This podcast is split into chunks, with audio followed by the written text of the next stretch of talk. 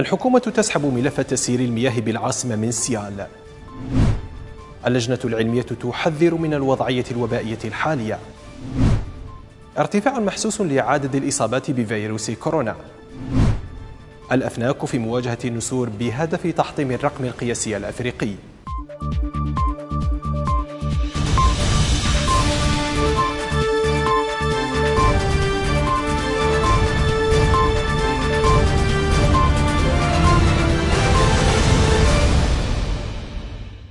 قررت الحكومة سحب ملف توزيع المياه بالجزائر العاصمة من الشركة الفرنسية سيال وتوقيف مديري التوزيع والإنتاج بالشركة وتكليف مديرية الموارد المائية بالمهمة تحت إشراف والي العاصمة.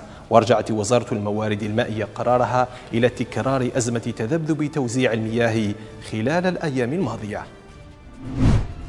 قال عضو اللجنة العلمية لمراقبة كورونا البروفيسور الياس رحال إن الوضعية الوبائية الحالية لكورونا في الجزائر ليست مرضية والأرقام المسجلة فوق المعدل المطلوب.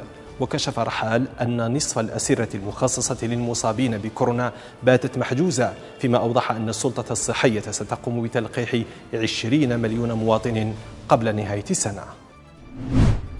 أعلنت وزارة الصحة اليوم الجمعة تسجيل 372 حالة جديدة بفيروس كورونا ووفاة ثمانية مرضى خلال ال 24 ساعة الأخيرة.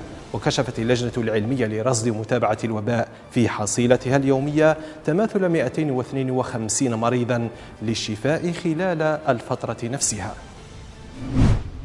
يواجه المنتخب الجزائري سهرة اليوم نظيره التونسي في لقاء ودي على ملعب رادس استعدادا لتصفية كأس العالم ويهدف أشبال بالماضي إلى مواصلة سلسلة اللا هزيمة وتحطيم الرقم القياسي الأفريقي الذي يملكونه حاليا مناصفة مع منتخب كوتيفوار ب 26 مباراة دون خسارة على التوالي.